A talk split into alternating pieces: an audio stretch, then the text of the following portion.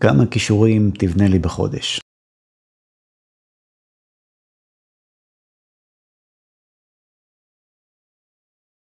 את זה שאל אותי היום לקוח פוטנציאלי וגם שואלים אותי מדי פעם. עכשיו מה הבעיה עם השאלה הזאת? זה לא ספציפית השאלה הזאת, זה כאילו על מה השאלה הזאת בעצם מעידה. הרבה פעמים על חוסר הבנה של הלקוחות, שלא באשמתם, כן? זה תחום נורא אפור, מי שלא מבין בתחום זה נראה כמו איזה סינית כזה. אז הם משווים במה שהם יכולים להשוות, שזה מספרים ומדדים ברורים מבחינתם. אז הם מדברים כמה חברות קידום, ואז מבקשים קצת פרטים, אחרי שיחה או שניים כבר בן אדם טיפה יותר מבין, ואז חושב שהוא יודע מה צריך לדרוש מחברת קידום אז הוא שואל אוקיי כמה קישורים אתה הולך לבנות לי בחודש? כמה מאמרים? מה עוד אני מקבל? כאלה דברים. ויש הרבה חברות שכאילו מנפחות את ההצעה ו... ודוחפות כל מיני שטויות כאלה של ניתן לך כלים ניתן לך זה שהכל בפועל נגיש ואפשר לעשות בחינם כמו כלים של גוגל אנליטיקס אבל מנפחים ומפארים את ההצעה שזה יראה כאילו מרשים כאילו מקבל הרבה. אז במסגרת הדברים האלה עולות גם שאלות כמה קישורים תעשה לי בחודש? כמה מאמרים? שאלות לגיטימיות והכל אבל אין קשר בין התכולה או כמות הדברים שמקבלים לבין